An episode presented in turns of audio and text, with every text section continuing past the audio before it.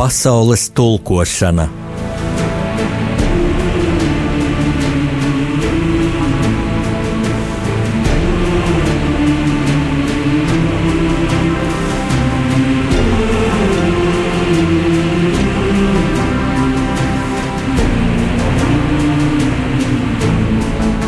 Studijā rakstnieks Jānis Udris.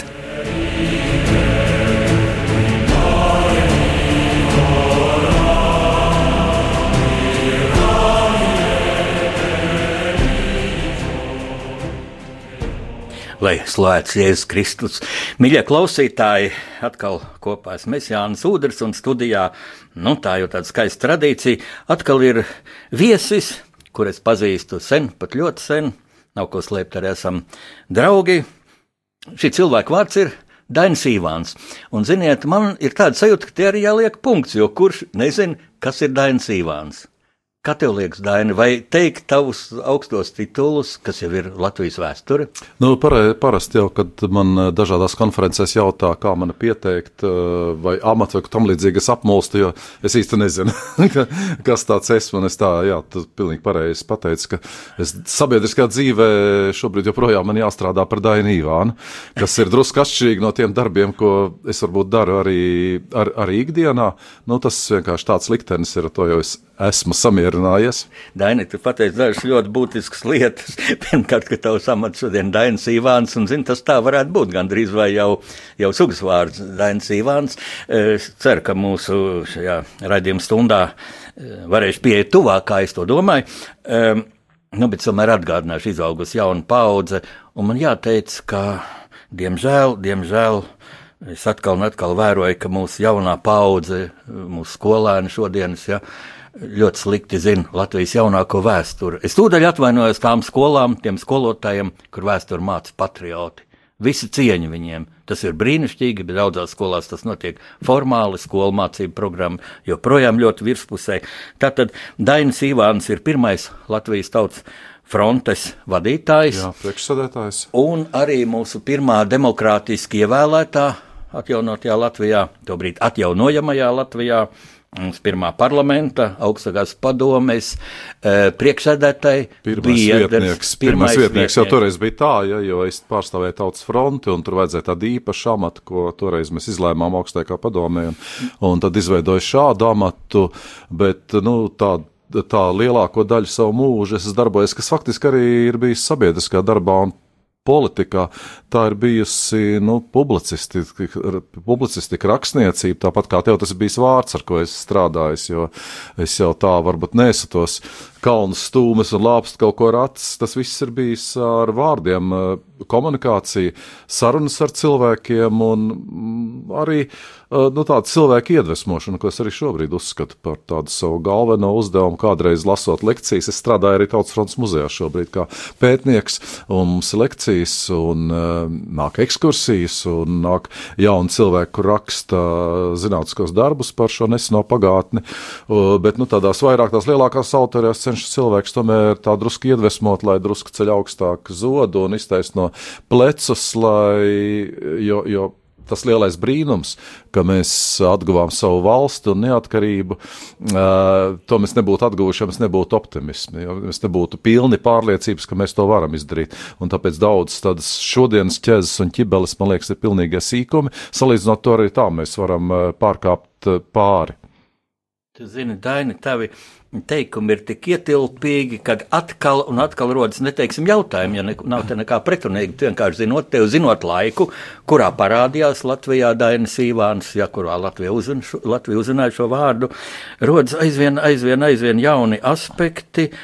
Un, um, Un es gribu sākt vēl pirms tautas frontes. Dainis Ivāns ir tas cilvēks, kas atmodināja mūsu tautu. Es tā uzskatu, tā es saku, Daini, neņem par, neņem, neņem par kreņķi, um, kurš atmodināja Latviju kopā ar uh, Artūru Snipu, uh, publicējot uh, 1986. gadā.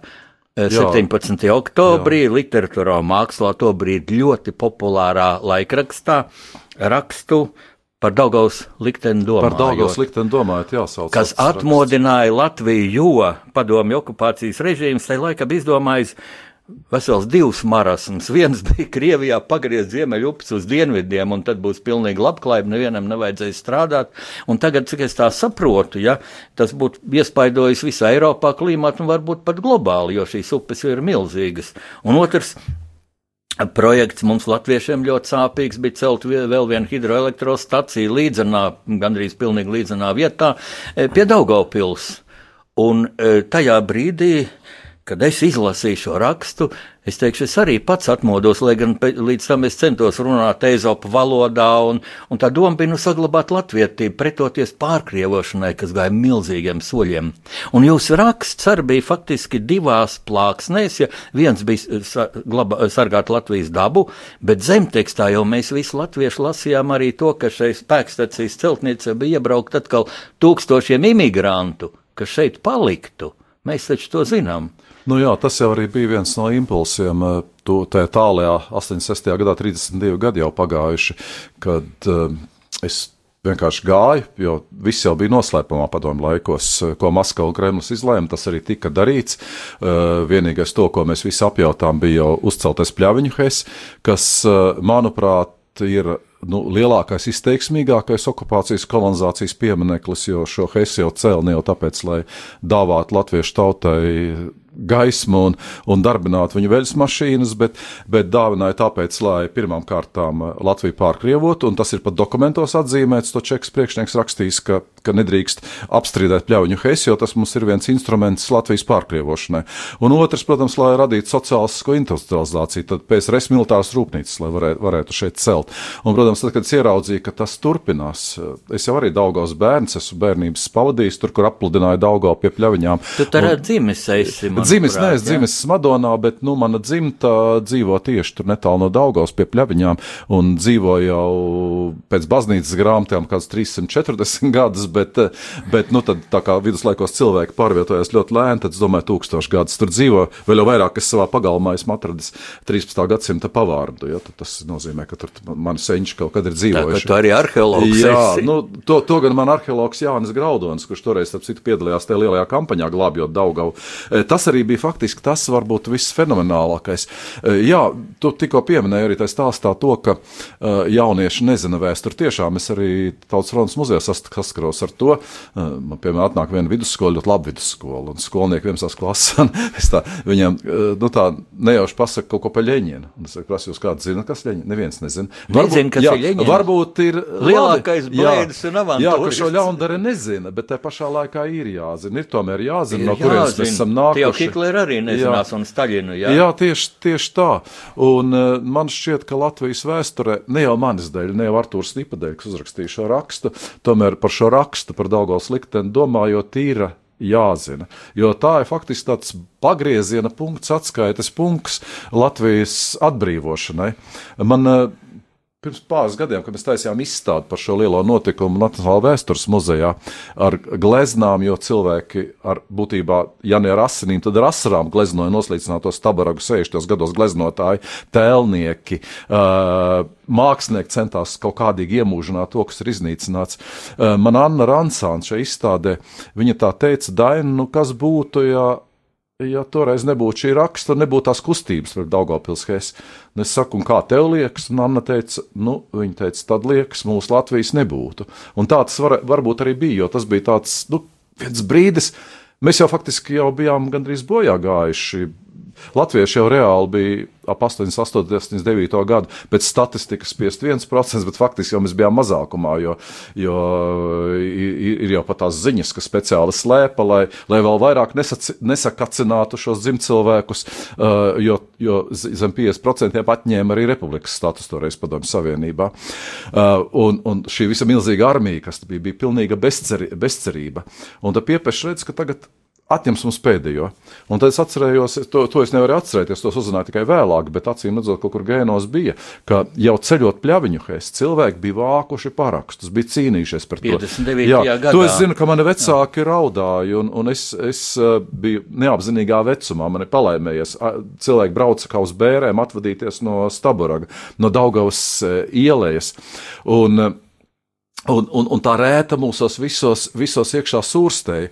Un, un, un, un čekas, eh, Čekas arhīvos, mēs nezinām, kur tie nav joprojām atrasti, arī esot nogulušies 30 pat vairāk tūkstoši parakstu pret pļauju Hess celtniecību, ko nosauc Vladimira Iliča Ļeņina vārdā arī, nu, kas pierādīja, ka tā, tā nebija industriāla celtne, tas bija kolonizācijas objekts, uh, un, un, un, un Krievu zinātnieki vēlāk šīs stacijas visas sauc ne tikai uz Daugavas, bet arī uz Volgas, Krievijā, par Staļina piramīdām. Helps, jo, jā, jo tas bija viņam galvenais. Ne jau tā enerģija viņam bija galvenā. Viņa galvenais bija parādīt, cik viņi ir vareni, ka viņi var apturēt ne tikai upes, bet viņi var apturēt pašu laiku un pagriezt atpakaļ. Un e, mēs dzīvojam ar šo nelāgo domu, ka viņi tiešām ir pagriezuši laiku un nekas vairs nemainīsies. Un tad, e, jā, un toreiz arī tā 59. gadā es tāpēc ir sāku to stāstīt. 54 izcili Latvijas e, kultūras darbinieki - Teodors Zaļkalns, Valdis Kalnroze, Lilija Bērziņa, nu tā, kas, kas bija pazīstami zinātnieki, ekonomisti parakstīja un vēstuli. Arī komunisti, ja Vera arī Kacena. Vadošie, jā, jā Vera Kacena bija tāds, jā, arī kurš, jā, kur izgāja kultūras ministrs. Un kuri bija izgājuši otro pasaules kara padomu Nacionāli komunisti. Jā, jā, jā. jā. Mhm. Viņas, viņam faktiski galvenais bija tāds, tāds kā dumpja objekts 59. gadā, ka viņi sāka cīnīties pret Latvijas pārkrievošanu un pakļaušanu pilnīgai Maskavas varai. Viņam tas, tas faktiski tas karogs bija uh, cīņa pret pļaviņu Hesi lai neapludinātu latviešu tautas svētās vietas. Un tad šajā unikālajā vēstulē, ko viņi rakstījuši Vilim Lācim, to mēs relatīvi nesen mēs atradām Latvijas arhīvā. Šo vēstuli tā ir saglabājusies atšķirībā no tām, kas uz, ir Čekas arhīvos iegūlušas. Un tur rakstīts viens teikums, kas ir īstenībā nu, 59. gadam pilnīgi neiedomājams, ka šie latviešu komunisti un izcili kultūras darbinieki raksta, lūdzu, neatņemiet latviešu tautai staburagu un tad ieklausies. Jo Stabaraks ir latviešu tautas brīvības un neatkarības simbols. Mm -hmm. 59. gads, kad mēs esam drausmīgā pakļautībā. Un acīm redzot, tas viss tā gruzdē. Nu, nevelti 70. gados Māris Putniņš, komponists un uh, dzēnieks un rakstnieks un un, un, un teātris darbinieks, režisors. Viņš uh, sacerēja tādu dziesmu, ko, ko Ieva akurāte dziedāja uh, par vēlu zēdas pie dzimes, staburaks, veltīts staburagam. Tad dziesma, kas uzplauka šajā Daugos kampaņas laikā. Un tad, nu, es ar Artūru Vispirms jau es, jo man tur bērni bija četri to laiku, un, un mēs dzīvojām netālu Slutšos, netālu no spru, vasarām pie Spruktu baznīcas, tāda skaista katoļa baznīca. Pēdējā baznīca, ko pirms okupācijas izdevās draudzēji uzcelt, 34. gadā celta, pēc tam jau baznīca sāka celt Naujienas baznīcas, bet tur tūlīt iekārtoja klubu kolhos, bet šīs spruktu baznīca darbojās. Un vēl pretī mums bija ļoti interesanti, ka, ka arī šādās pa Daugavu iesaistījās viens šajā nu, kā, no sākuma jau viņš nezināja, kas kaut ko rakstīšu. Tāds priesteris Jāzeps Aglonietis. Viņš bija tepat pārdaugavā priesteris, nu, viņš savu karjeru baznīcā beidza Viļakas baznīcā, kā turienes priesteris, bet viņš bija mums kaimiņos dzīvoja, viņa saimniece dzīvoja, pareizāk sakot, viņš brieži brauca ciemos, un mēs ar viņu runājām, Un, un, un, un tad pamazām es teju pa cilvēkiem un, un, un, un, un saku, bet vai te neko nevar darīt? Visi saka, neko nevar darīt. Neko nevar darīt. Uh, Arthurs Snips pat bija sazinājies ar Vēru Kacenu, kura 59. gadā rakstīja, Vēra Kacena saka, jūs nedariet to puikas, jūs sabojāsiet savu karjeru un dzīvi, un neko jūs nepanāksiet. Nu, un tad, uh, kad es biju saticis ar Arturu, tad mēs tomēr nolēmām, ka ir kaut kas jādara, kaut kas jāraksta to bērnu labā. Un mēs uzrakstījām to rakstu, un es domāju, tieši tāpēc varbūt to vajadzētu zināt jaunākām paudzēm, jo tas faktiski ir ne tikai Latvijas, bet Man liekas, arī pasaules žurnālistikas vēsturē tas ir kaut kas pilnīgi hrestomātisks. Kāpēc viena raksta, tas ļoti reti, kad ir noticis. Es pat nesen līdzīgi gadījumu kaut kur pasaules žurnālistikas vēsturē, piepeši notiek apvērsums. Mans dzīvoklis pēc raksta publicēšanas, es nestāstīšu peripetīs, tam šim raidījumam nav laika, ka, ka, kā rakstu nepublicēja, pēc tam jau publikācijas aizliedz, kā mūs tur ar tur vajāja, bet iedomājieties, izdodas publicēt ar lielām grūtībām un piepiešas sprādziens. Mans dzīvoklis zvana, cilvēki, kuri man nav pazinuši, saka, ko darīt, sāk gāzties vēstuļu lavīnu uz laikrakstu literatūra māksla. Būtībā tas ir pirmais uh, neoficiālais varas neatļautais referendums, ka tauta ar referendumu saceļas pret Maskavas varu. Kremlis ir šokā, jo Kremlis to nav gaidījis kaut ko tādu.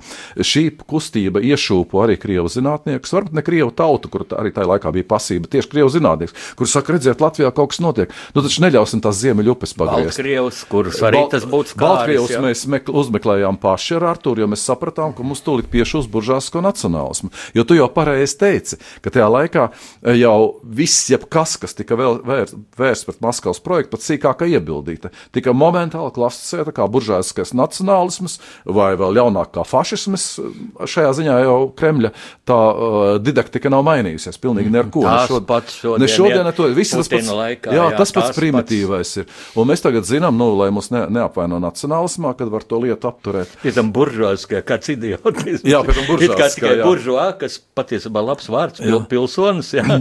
tikai, tikai tas varētu būt uh, patriots, nacionāls, nacionāli patriots, jā, un pārējie kaut kāds salašiņas. Atvaino, jā, nu pārējie internacionālisti ir, jā. Tas met, kur gribi, ja padomī tajā leksikā sadursies uz idiotismu. Nu, es tagad jā. to redzu, rakstot par Mārtu Čaklo, kā viņš to izmantoja. Jā, jā, jā, jā. Iekārtas stulbumu, bet atvainojiet, ja, nepabeidz domu. Tur jau tā lieta, ka daudz ko jau tā cenzūra nesaprata, un tāpēc mums, mums bija vajadzīgs.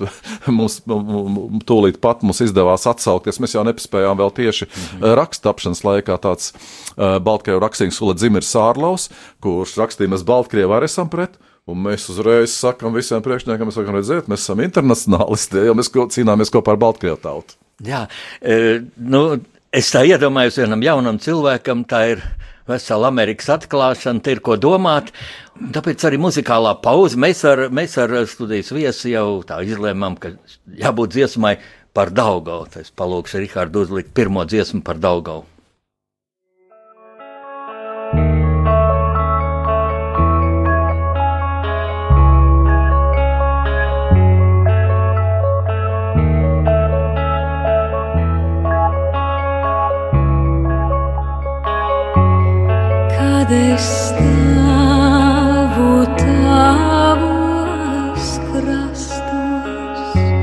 Staltā baltā daugaviņ,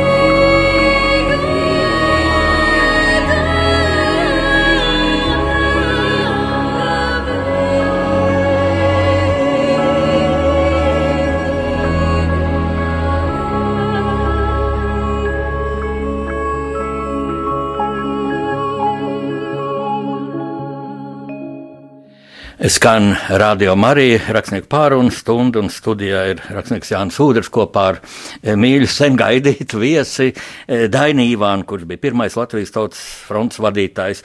Un, eh, lūk, pirms brīža mums ienāca šeit studijā jautājums, un viens uh, saka, varbūt vajadzētu izskaidrot, kas bija Latvijas tautas fronte. Un, ziniet, nu, mēs varētu skaidrot, jo ir pirmais vadītājs šeit, un tam mums vajadzētu laikam divus raidījumus, ja, un man drusciņ šis uh, jautājums tā, kā to lai saka, man neliekas īpaši mm, gudrs jautājums.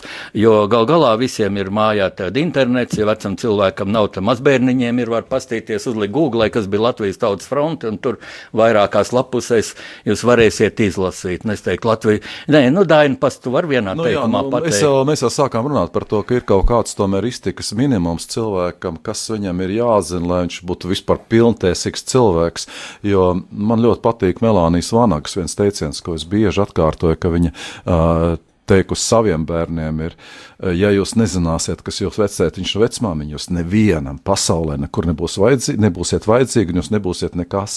Eh, ir jāzina, ja es domāju, ne jau pavisam konkrētais vecētiņš, vecmāmiņš, kas arī svarīgi, bet tā ir tā tavs tautas vēstures, kur balstās. Un tad mūsu jaunāko laiku vēsture mēs jau runājām par šo Daugaus kampaņu, kad nu, tie tūkstoši cilvēku piepeši sacēlās pret Maskavu, kas radīja atkal milzīgu kustību. Šī, tā, šī, šī. Un šī kustība pārauga nacionālā kustībā. Mēs taču glābām savu nacionālo vērtību, Daugavu, kas ir gan simbols, gan mūsu daba, gan mūsu dzīvība. Un, un, un bija savā laikā, kad nebija Latvija, vēl, tad, tad faktiski cilvēki identificēja savu dzimteni ar Daugām. Mēs atgriezīsimies Daugos krastos. Visi mūsu kareivi runājuši. Un tieši no šīs kustības, tad, lai šo cīņu varētu organizēt, jums, kā jau nu, katrai tautai un latviešiem tīpaši dibinājās dažādas maziņas organizācijas. Nu, tagad mēs pretosimies režīmam, mēs esam okupēti.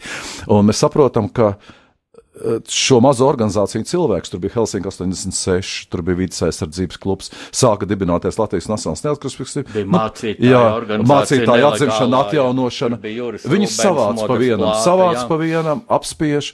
Uh, kad gribam atgādināt, ka ir bijis Ribbentrop-Molotov pakts, kas tiek noslēpts Padomju Savienībā, tad uh, aiztur veselu grupu cilvēku, kas to organizē dzīvoklī, nelaiž ārā, to visu var ļoti viegli apspiest. Un tad radās ideja, ka vajadzīgs kaut kas liels apvienojošs. Un tā, un, un un, un, un, un, dzīva no Igaunijas atnāca tā doma, jo Igauni iztaisīja tādu milzīgu tautas kustību, ko nosauc par Ahvarinu, tautas fronti tulkojumā no Igauņu valodas, un mēs arī sakam, latvieši mums arī kaut ko tādu vajag. Un tad izveidojās Latvijā uh, tautas fronte, tā ir milzīgākā, lielākā Latvijas Nacionālās atbrīvošanas organizācija, kāda viena ir mūsu vēsturē pastāvējusi. Un faktiski nezinātā tautas fronte ir tas pats, kas nezinātu, kas latviešu strēlnieki. Es pieņemu, ka arī par latviešu strēlniekiem daudz neko nezinu, kas tie tādi. Nu, paldies Dievam, tagad ir beidzot viena filma uzņemta. Tēpus, jā, tie bija labi vai slikti. Jā, nu, jā. Lai gan bez viņiem nebūtu Latvijas nu, nebūtu valsts, nekā nebūtu. Stāsts, jo tie bija brīvprātīgi. Nē, tas ir tas. Jo, ja cars jā. būtu palicis, tad jā, tur Latvija. Bet, nu, tas, tas, tas jau tad ir tas tālākais posms, bet nu, faktiski tie bija brīvprātīgie, kas sargāja dzimteni. Un, un, un, un, nu, tiem, kuri nezināja, nu tad beidzot ir, un kuri nav lasījuši Aleksandra Grīna Dvēseli Puteni, beidzot ir filma, man liekas, ļoti laba filma, Dvēseli Putenis. Faktiski, tad otrs šāds nācija veidojošais spēks. Kā strēlnieki. Tā bija tautas fronte. Tautas fronte, kura balstījās uz īstenībā uz tāda uh, neverdarbīgās pretošanās principi. Ja mēs toreiz varējām ar ieročiem rokās cīnīties, tad šoreiz Latvijā, kur bija pārvērsta par padomju karabāzi, kur bija čeka, geru, viss, kas tik te nebija, tie, tie kas atceras, mēs ar tevi atceramies, Jāni, ka par Rīgu iet vispār, ja tā labi padomāt, tur bailes palika, jo tur staigāja viss pilns ar armīniekiem. Rīgā bija Baltijas karabgabals štābs un piepeši mēs saceļamies. Mēs savācam milzīgu masveidīgu organizāciju, tāds frontē ir maksimumā bija 250 tūkstoši, nebija nemaz viegli ne to norganizēt, ne dabūt atļauju tam visam, un šī organizācija nevar darbīgi sāk cīnīties pret to baiso varu, pret Maskavas agresīvo, agresīvu armiju. Un katrs ceturtais latviešu būtībā, bija, ja, ja pieņem, ka latvieši bija pusi formāli, jā, formāli, miljoniem. Jā. Bet ņemot vērā, ka mums nu, ir bijuši mītiņi, tiešās demokrātijas mītīņa Daugāmalā tur bija piedalījās 500 tūkstoši, 700 tūkstoši. Nevi, ārzemēs cilvēki pilnīgi apbrīno, viņiem liekas, tas kaut kas neiedomājas. Vēl šodien brauc uz mūsu muzeju, uh, tie paši Hongkongas cilvēki, studenti raksta, kopē, fotografē bildes un stāsta, kā vajadzētu Hongkongā cīnīties par, par demokrātiju. Un varbūt, ka galvenais tas, tas, teiksim, šis panākuma panākumu, varbūt tas ierocis, tas spēks, kas bija tautas frontē, bija tas, ka tas bija garīgs spēks. Un es arī to, es, es devu tādu nosaukumu, varbūt pat nes, kas ir iegājies tautā. Garaspēka karaspēks. Karaspēks ar visām karaspēka pazīmēm, bet garaspēka karaspēks. Un te uh, es atceros, ka viens no, no nu, spilgtākajiem lozungiem toreiz Tautas frontē cīņā par Latvijas brīvību, par atgūšanu, bija tāds lozungs ar gara spēku pret karaspēku. Māra jā, nu, tu, no pateici priekšā, jā. tu to pateici priekšā. Jā, to pierakstīja, varam teikt, varam viņa atkārtoja. Jā, jā, jo neviens jau tā kā. Jānim Lejam pierakstīja televīzijas jo, radio. Jo tur bija tāda arī, tā tieši tas, ko mēs sakam par nezināšanu, mēs zinām profānismu. Mārs Čaklējs kauguriešos. Jā, jā, un 69. gadā Mārs Čaklējs jau tur uzrakstījis dzējoli. Uh, kā cilvēks to nocitē. Un tad jau tas faktiski folklorizējas, iet visu apziņā, un tam bija, nu, mēs sakām, ja tā bija vārdu cīņa, tā bija dvēseles cīņa, tā bija gara cīņa, un tāpēc šiem vārdiem, precīzi formulētiem iedzieniem, bija ārkārtīgi liela nozīme šajā mūsu. Nu, brīvības atgūšanas ceļā, ko mēs atguvām ar tautas frontes e, palīdzību. Bet viss tam iekustinājums bija tas, ar ko mēs sākām. Tas bija šī kampaņa, e, kampaņa pret Daugopils celt, celtniecību, par augstdaugavas saglabāšanu, kas bija nu, notikums uh, visā Maskavas kontrolētajā Austrumēropas teritorijā pirmais, jo tur bija milzīga rezonance, pēc tam sekoja, Igauni sekoja līdzīgas kustības, sāka veidot pret fosforītu ieguvu Igaunijā, lietuvieši pret Kaišadoras akvidrokumējušo staciju uz ņamunas, kur iznīcināt viņu, viņu uh, ņamunas upi. Uh, pat Slovāki un Ungāri brauc pie mums. Viņi sazinājās mums, viņi saka, ka mums te Krievi grib uzcelt eh, spēkstaciju, lai iznīcinātu Donavu. Viena no Eiropas civilizācijas ielām, pilnīgi tas pats stāsts. Un, protams, Krievi, Krievi kuri tomēr panāca arī šīs pašas kampaņas tādā lielajā straumē, panāca uh, ziemeļu pagriešanas apturēšanu. Nu, tur ir gan daudz, kas jau ir nu, tā rupjā vārdā runājot, ir sačakarēts Krievijā. Piemēram, šī pati militārā industrija, kurai vajadzēja kokvilnu napūdiņu, iz, iznīcinājusi Arāla jūru jau, kas nemaz šobrīd nepieder Krievijai. Un mums jau būtu noticis tas pats. Ja tas Vesela būtu... jūra, jā, purvos jā. Pārvērsta vaiparāts. Jā, un, nu, diem, diemžēl, faktiski, nu, tā, šis totalitārais režīms, šis, kurš, kurš kuru toreiz mēs kaut kādīgi iekustinājām, mēs no tā aizbēgām. Pēteram Laķim bija tāds labs teiciens, Arī noteikti daudz nezinu Pēteru Laķi, viņš ir kultūras akadēmijas dibinātājs. Paskatieties, filozofs, vēsturnieks, profesors. Laķis, izcila personība. Jā, viņš arī dibināja, viens no daudz fronts dibinātājiem. Un Pēteris mums, tā, mums tādās, toreiz tautas vadoņa apspried, es varētu teikt, viņš teica tā, mums ir tāds liels virsuzdevums, viņš teica, pirmais uzdevums, mums ir jāsagrauj šīs borģelis, tā viņš sauc padomu savienību, un jāizmen tā akmeņi tā, lai neviens vairs nevar salasīt. Ģeniāli. To viņš domāja sistēmu. Un otrs Pēters teica, un tad viņš teica, meitenes un zēni, ņemam kājas pār pleciem un mūkam prom. Nevis tā, nu, kā dažs iedomājas, nu, brauksim uz laimes zemi, bet Pēters integrēties. Jā, jā, Pēteram tas bija momentāli integrēties rietumos. Rietumu demokrātiskās sistēmās, un mēs to esam izdarījuši. Mēs Eiropas esam NATO, Savienība, mēs esam Eiropas jā. Savienībā, un šajā ziņā mēs uh, tik droši kā šobrīd mēs neesam, neesam jutušies nekur. Ne jau vēl tagad Krieva, Krievija kūdas, skatījos nesen televīzijas pārraidi, kūda vietējos iedzīvotājus pret Latvijas armijas bāzes paplašināšanu netālu no Daugavpils. Jo viņi ļoti labi saprot, ka šis spēks, kas mūs sargā, ja nebūs šī spēka, tad ļoti ātri atnāks tas, kas mums atņēma visu un arī atņems visu. Un, un, un, un, š, un šai ziņā mēs ļoti varam būt pateicīgi tam, ka mums ir sabiedrotie, ka mēs prātām atrast, kā Pēters tālredzīgi to teica, šos sabiedrotos, ka mēs esam integrējušies šajā riet, rietumē Eiropā un pie tā mums būtu, būtu jāturas. Jā, Daini, es tev pilnīgi piekrītu, ka mēs esam drošāki kā jebkad politiski, arī militāri. Kaut mums ir maza armija, nu, zemesardze, ar patriotiska, un acīm redzot, tas ir optimāli, jo mums vajag aerodroms, kur nosēsties mūsu sabiedrotajiem, ostas, kur mūsu sabiedrotie atved uh, savus tankus. Uh, Bet tā pirmā kauja jau būs jāizcīna tai pašai mūsu mazajai armijai, jo vai rietumos trūks politiķu, gan politisku demagogu, gan arī cilvēku tiešām, kas redz tikai savas valsts intereses, lai teiktu, kāda mums daļa gar Latviju. Kāpēc, lai mums amerikāņu puiši vai jau vairāk angļu puiši, tagad, kad Anglija vispār ir pēc Brexit, nu, viņi ir, tā ir NATO, ja, kāpēc, lai viņi braukt uz kādu Latviju? Un tad, nu, šis NATO piektais paragrāfs, bet, nu, politiķi, protams, to censtos nobloķēt un, un tas prasīt laiku. Bet es domāju, mūsu drošība, nu, tāda simtprocentīga, Tāda drošība vispār pasaulē nav. Cilvēki Nekur gal nav, galā jā. ekoloģiski planētu nīdē ārā. To mēs redzam, kas un- te notiek pasaulē, ka nekas nav. Koronavīrus radās, kur nekāda armija nestāv pretī. Nu, varbūt arī tas ir pārspīlēts, es pat neņemos spriest, bet es jūtu ļoti vāju punktu mūsu cilvēku psiholoģiskajā noskaņojumā. Daudzu. Es zinu, Latvijā ir daudz gaišu cilvēku, ļoti mm, patriotiski cilvēki, bet daudz ir arī nezināšanas un ļoti daudz ir vienaldzības un cinisma. Un man baida tas, ka tas ir tieši tajā paudzē, kas jau ir uzaugusi brīvā Latvijā un pat piedzimusi brīvā Latvijā. Un, Nu, nu, kaut vai simptomātiski nu, šis jautājums, kas ir tautas fronte. Nu, es teiktu, tas ir ar slinkums pastīties tajā pašā internetā vai, vai enciklopēdijā, vai gal galā, nu, paprasa vai omītē. Varbūt viņi bija tautas frontē vieta, jau tur pagā, eh, darba vietā nodaļu vadīja. Ja? Eh, Arī tā tad šīs vecākās paudzes, nu, tā būtu jau mūsu paudze, jo mēs abi esam vecētiņi, eh, šīs mūsu paudzes arī tāds kūtrums, ka mēs jaunajiem nestāstam to. Ja? Nu, jā, tas ir arī Hey mūsu ienaidnieku interesēs skola, nezināt jā. vēsturi. Jā. Jo, jo mums jau kaimiņš austrumos, jau mēs jau redzam, kā otro pasaules karu vispār bezskaunīgākā veidā absolūtos, pat, pat vēl trakākus melus kā Staļina laikās mēģina pašreizējais Krievijas prezidents laist par otro pasaules karu gaisā. Un arī, protams, par šo mūsu laiku, protams, tur dominē šis viedoklis, ka mēs jums uzdāvinājām.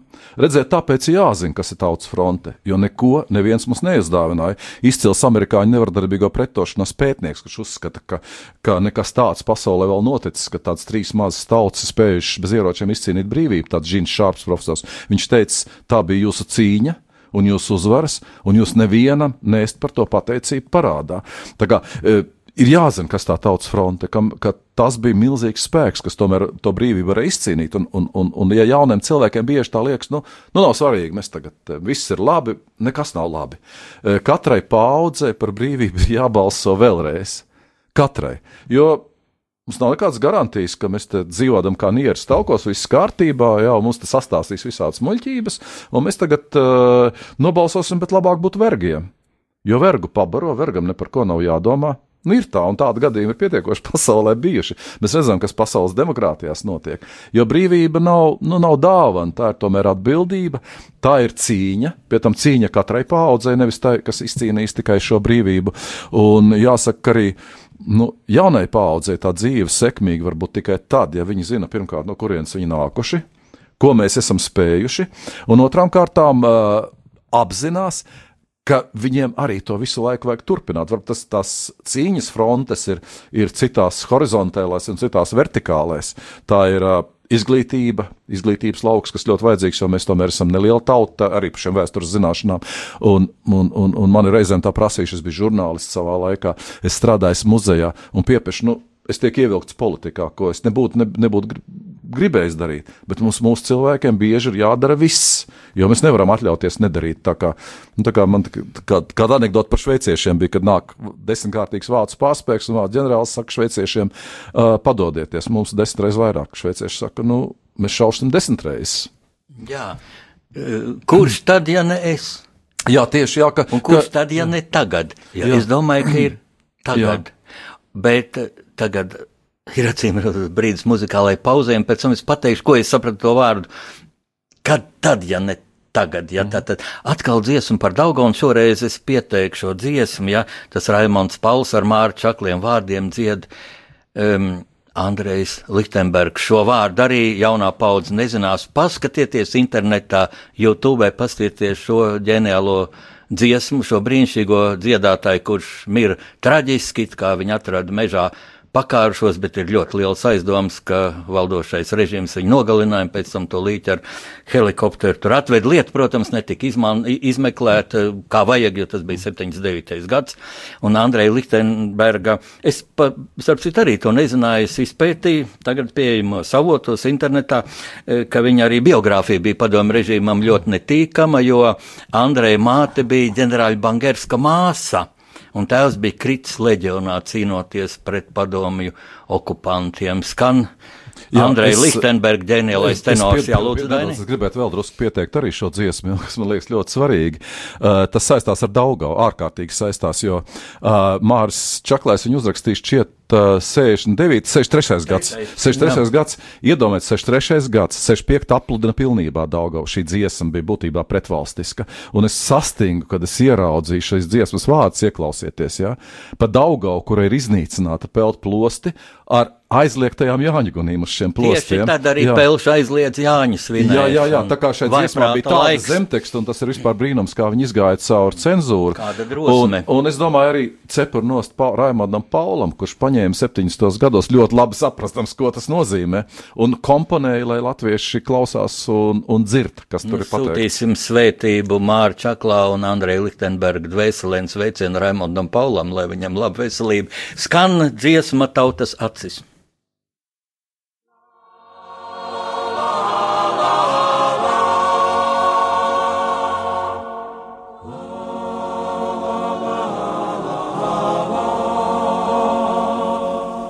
Mana tēva un māte zeme, atkal plosti padaugavu slīd, un no plostiem un pakalniem spītīgās šaujas ugunis jaunas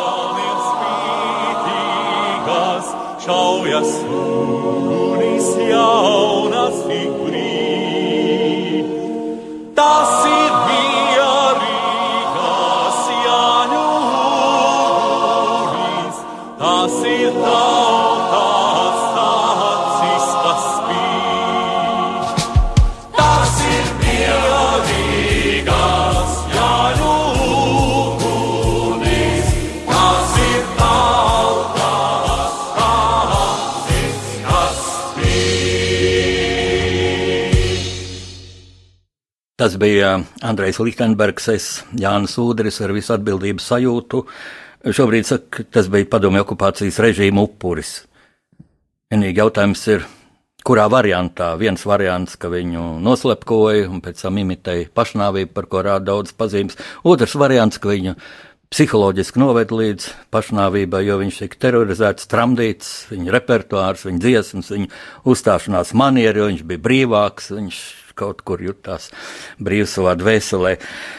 Skan radio Marija Latvija rakstnieku pārunu stundu un studijā es esmu kopā ar, ar Daini Ivānu, un mēs sākām runāt par Daugaus epopeju, un tā ir tik plaša, ka vajadzēja daudz raidījums, bet šī epopeja tātad cīņa par Daugau noslēdzās ar uzvaru, Pēc, mē, pēc gada un viena mēneša, ja, jo 87. gada novembrī, 5. novembrī, ja, pirms oktobra svētkiem, ko mēs Drus- to, to laiku saucam par revolveru svētkiem, vai, vai vēlāk drusciņi 7. Nē, nē, novembrī nē, bija tas bija apmēram svētki. otrs gads, jo uh, cīņa ilga tā. nu, Tā 86. gadā sākās publikācija, tad paiet 87. gads. Nu, jā, varētu būt, ka tas bija, bija, bija gads, jo, jo 87. gadā pēc liela trokšņa, pēc skandāliem, pēc aizliegumiem, pēc tā, ka mēs apgājām preses aizliegumu, publicējām arī Krievijas presē šos rakstus, izdevās tur uh, apiet to visu. Uh, Gorbačova, to toreizējā valdība, nu, viņš bija ģenerālsekretārs, padomju cars, eh, ministrs kabinets parakstīja tādu dekrētu, ko publicēja tieši pirms revolūcijas svētkiem, kā teica Oktobra revolūcijas gadienas lielākiem padomju impērijas svētkiem, ka viņi atceļ eh, pļaviņas Daugavpilskais celtniecība, kas īstenībā bija pirmā reize visā padomju impērijas pastāvēšanas vēsturē, kad tiek apturēts sabiedrības spiediena rezultātā viens komunisma projekts, kā viņi toreiz sauca. Publicē, protams, celtne. maziem burtiņiem, Maziem burtiņiem, jā, citu, bet- bet viņi bija atkāpušies, un, un mēs pirmās ziņas jau saņēmām 87. gada augustā, ka būs, lai mēs neuztraucamies, jo saprotu, ka bija arī vēl viens iegans Maskavai varēja būt tāds, ka viņi gribēja nolaist tvaiku, ka lūk, viņi atkāpjas un jūs neiet un, un neprotestējiet, ka jūs esat okupēti. Jo tas bija tieši tās pirmās signāli atnāca Molotov-Ribbentropa bēdīgi slavenā pakta 40. ā, 40 Nu, tas bija laikam septītās gadsimta priekšvakarā. Jā, bet tā bija tātad pirmā mūsu tautas uzvara, kas mums rādīja, ka mūsu tauta ir atmodusies. Jā, tā vienotības sajūta, eiforija tā radīja tādu nu, nu, milzīgu. Ja? Un, un, un laikam jau. Es arī tā domāju, ka tur arī ir varbūt kaut kas transcendentāls, ka tā daugau visur nāk klāt. Uh, gan Mārim Čaklajam, gan, gan šie pirmie impulsi, kas nāk arī gal galā pirmā neatkarība, tika divus gadus strēlniekiem stāvot Daugavas frontē abos, no, noturot frontes līniju pie Daugavas, un, un viens no Lat Latvijas karoga izskaidrojumiem ir, ka tas ir Baltā Daugava pa vidu, bet abās pusēs strēlnieku asinīm piesūkušies uh, Daugavas uh, krasti. Un, uh, arī tajā mūsu laikā tas tā bija, ka tā, nu, tā Daugava visur sekoja, turpat tu Mēs te Lichtenbergu pieminējām, arī Aija Kukula, Kukula arī traģiska dziedātāja, uh, skaista dziedātāja, uh, kad bija aizliegts šai Daugavas kampaņu laikā, ko ieminēties par Daugavu. Bija mikrofona aptauja, tu man liekas, bija klāt, to labāk zini. Un... Es varu atgādināt, jā, ka viņi izgāja pie mikrofona, paredzēja viņas dziesmu, bet viņi norunāja tekstu, kas toreiz bija aizliegts kaut Jo kaut visa ārp- cenzūra ārpus jāskaņo. scenārija. Jā, un Jā. viņa pateica, ka, lūk, es uh, esmu cēlusies arī no Daugaus krastiem, Latgalē, no viena, viena maz Latgals ciemata, un man, man senči nāk, un, un tagad to vietu grib apludināt, tā būs zem ūdens, un ko es varu likt pretī, tā ir tikai, Tikai dziesma, man jā. dziesma par Daugau. Es eh, pirms brīža, pirms šīs ģeniālās Lichtenberga dziedātās dziesmas, es teicu, nu, kurš tad? eh, Ja ne tu, ja ne es, kur, kur, kad tad, ja ne tagad, kāpēc tagad? Ja? Es saskatu tādu Latvijas apdraudējumu šobrīd, lai cik tas dīvaini skano, skanētu no mums pašiem latviešiem, jo mums jau nav, eh, nav tāda redzama ienaidnieka. Padomu laikā tas bija viegli. Mums bija okupanti, viņu armija, un mēs redzējām, pret ko mēs cīnāmies. Un tagad, man liekas, mēs bieži neredzam, kas ir mūsu lielākais apdraudējums, mūsu pašu vienaldzība un kūtrums. Un es tikai gribu pieteikt eh, mums pašiem, mūsu klausītājiem, pārdomām tādu problēmu, kur es redzu lielu problēmu. Mums nebūs laika to iztirzāt, jo, jo, jo tad stundas vajadzētu. Internets ir pilns ar to, man vairāk klausītāji lūdzu par to runāt. Es redzu šos pēdējā laika, nu, juristu ap absurdās rīcības rezultātus, un es pirms tā sauktā Kristīnas Misānas lieta, es tikai pieteikšu. Es kategoriski, es arī Facebookā ļoti daudz rakstīju, rakstīju tādu prasību juristiem, un ne jau tāpēc mūsu prokuratūra beidzot iesniedz to pieprasījumu, kas tūlīt deva rezultātu, un Kristi, Kristīna Misāna tiks um, pārvietot uz Latviju, un šeit tālākās juridiskās darbības notiks. Šeit viņa tiks tiesāta. Um, Es absolūti to nerakstīju tādēļ, ka es uzskatīju, ka Kristīna Misāna ir laba vai slikta. Es viņu nepazīstu, un es pat tā teikšu, nu, tas man īpaši neinteresēs. Tur nejauktos iekšā, jo tiesu procesu ir daudz. Mani satrieca un izraisīja sašutumu mūsu valsts ierēģņu, juristu. Tie nav bomži, tie nav muļķi, tie ir augsti izglītoti Latvijas un Rietumu augstskolās valsts ierēģi, kas saņem algu no mūsu nodokļu maksātāju naudas. Viņu nu, ārkārtīgā ne, neieinteresētība, viņu slinkums.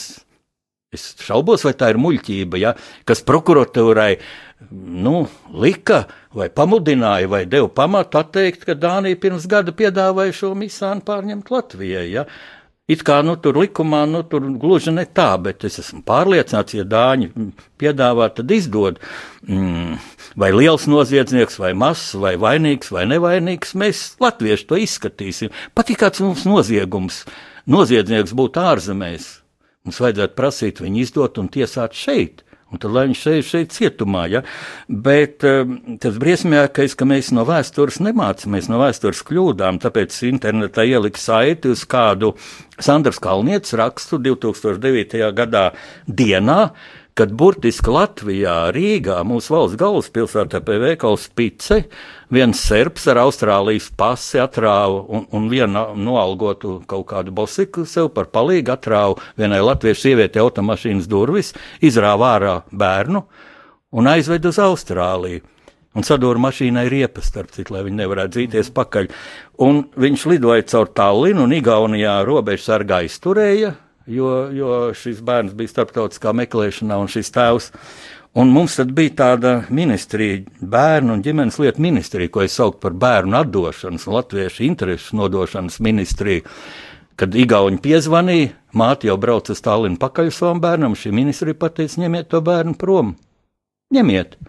Un līdz ar to tagad šī sieviete bija spiest pārcelties Austrālijā. Austrālijas tiesa lēma par labu šim, šim cilvēkam, vīram, tēvam, jo, jo nebija vīrs, starp citu, civila laulība.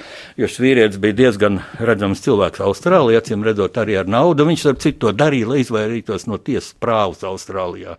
Jo, ja bērns un tēvs, tēvs viens kopi bērnu audzina, tad, tad viņi nevar tiesāt. Nu, kaut kā tā. Un tas ir vienkārši absurds. Un tāpat nu, šī zolītūdas lieta, kur acīm redzot, parādās Visu Latviju sašutusi par šo tiesas spriedumu.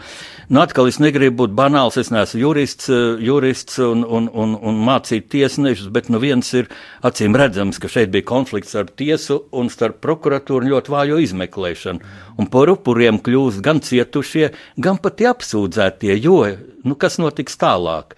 Viņiem tas nav nekāds atvieglojums tagad, kad viņas it kā attaisno, jo ir skaidrs, ka tik šī lieta pārsūdzēta.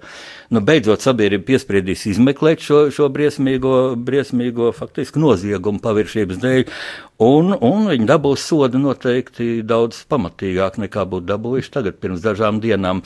Un kas tas ir? Tas ir acīm redzot vienaldzība, pret ko mums ir jā, jāsaceļas un jāprasa strādāt godīgi.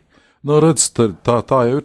Tā, man liekas, ir klasiska visās valstīs, sevišķi tādās jaunu veidojošās valstīs, jo mēs tam esam ļoti jauni, ka, ka pienāk viens brīdis, vai, un viņš ir ļoti ātri pienācis, ka mm, cilvēki, viņi nedeg vairs par savu darbu, viņi eksistē, veģetē tur, un tas tomēr ir manāms šajā mūsu tiesu sistēmā.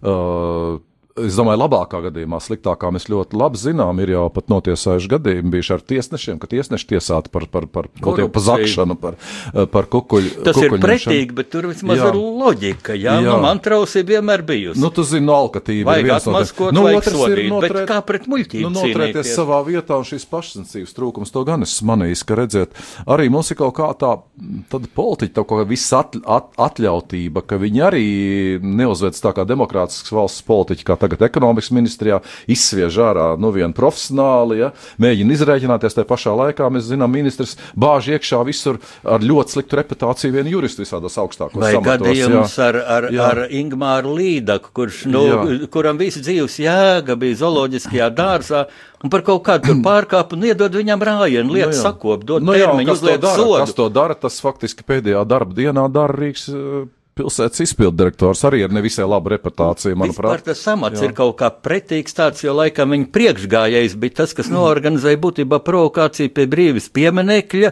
kad, 25, kad, kad 16. martā gāja patrioti, tur nolikt ziedus, un turpat blakus notika kaut kāda interfrontinieku. Nu, labi, nu, tur, eh, Mi- mēs jau Es- zinām, kas desmit gadus valdīja Rīgas Es, domē, inter, un tas- es inter, internetā ieliku lielu virsrakstu, vai Rīgas domi vada idioti vai provokātori. Mm -hmm. Nebija nekāda atbilde. Jā, droši viņi paši laikam nesaprot, varētu būt, varētu būt gan viens, gan otrs. Bet eh, nu, ir vēl viena tāda lieta, pat ieminējis par tiem juristiem, kas ir. Ka, Nu, būtībā tāda juridiskošanās ir uh, fantastiska atbildības novēlšana un pārsviešana no sevis uz kaut kādiem abstraktiem likuma pantiem, uh, uz, uz, uz normatīviem. Jo nu, to mēs redzējām Zolotūdas lietā, ja, ka tur ir entie normatīvi. Es domāju, arī tiesneši, es neko labu negribētu teikt par šiem tiesnešiem, jo paklausieties, saīsinātais spriedums 850 lapuses. Es esmu, viņi mani par muļķu uzskata, ja? 850 lapuses saīsinātais spriedums. Tas skaidrs, ka ne viņi paši saprot, ko viņi tur sprieduši ir, ne jebkurš, kurš lasīs, sapratīs sevišķi pil, pilno spriedumu. Bet uh, mums ir viena tāda tendence, var, kas iziet plašāk no jurista aprindām, ka mums tagad šobrīd visu vada juristi.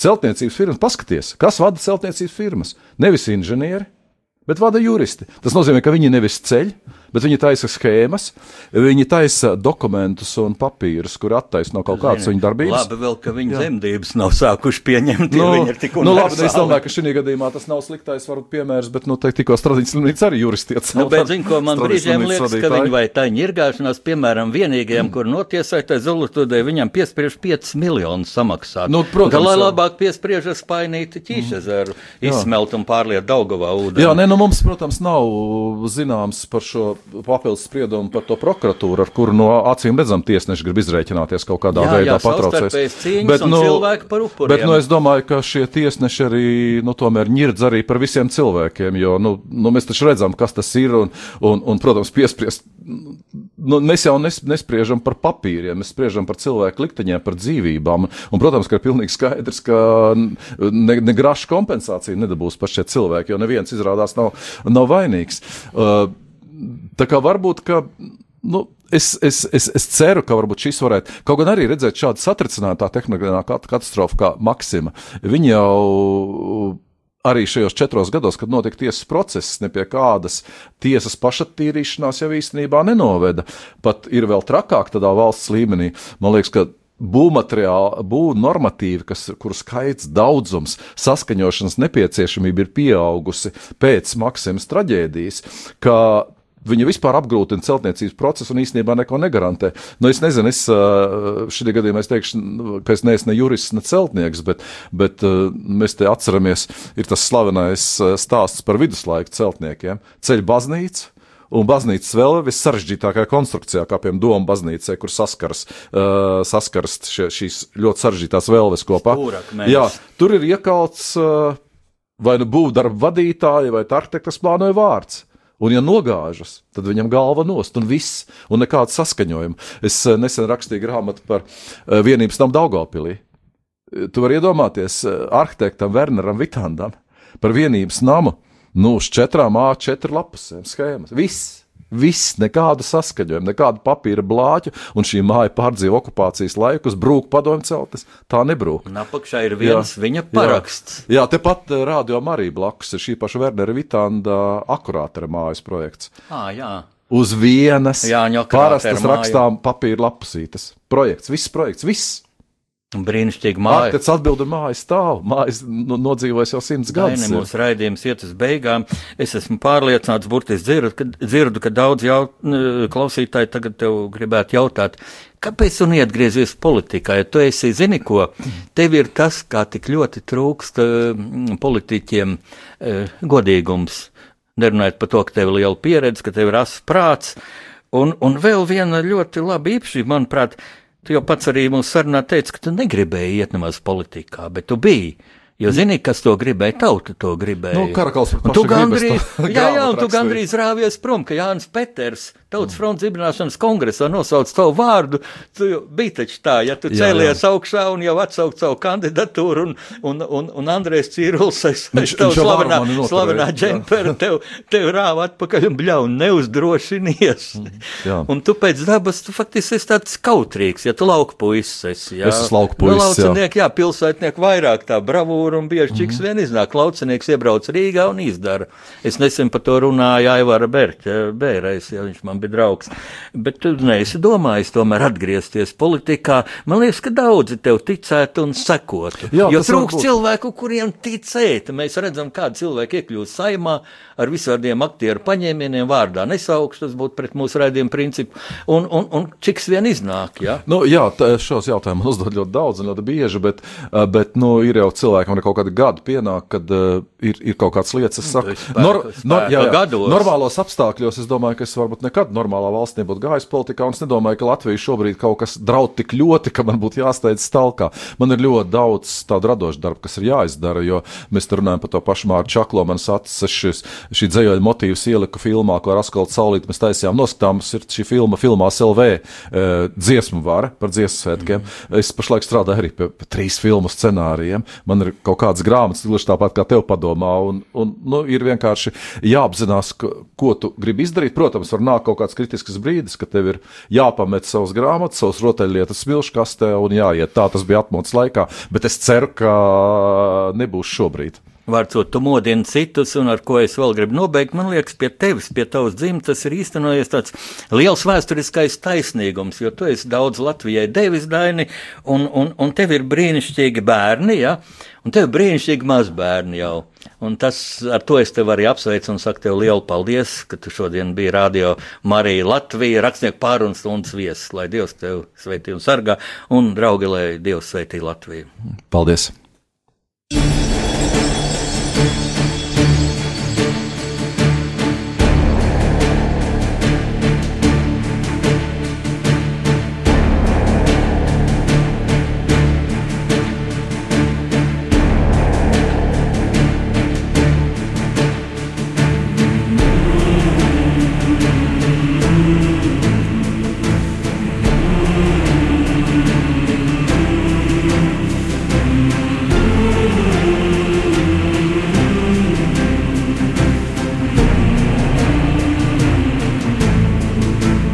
Pasaules tulkošana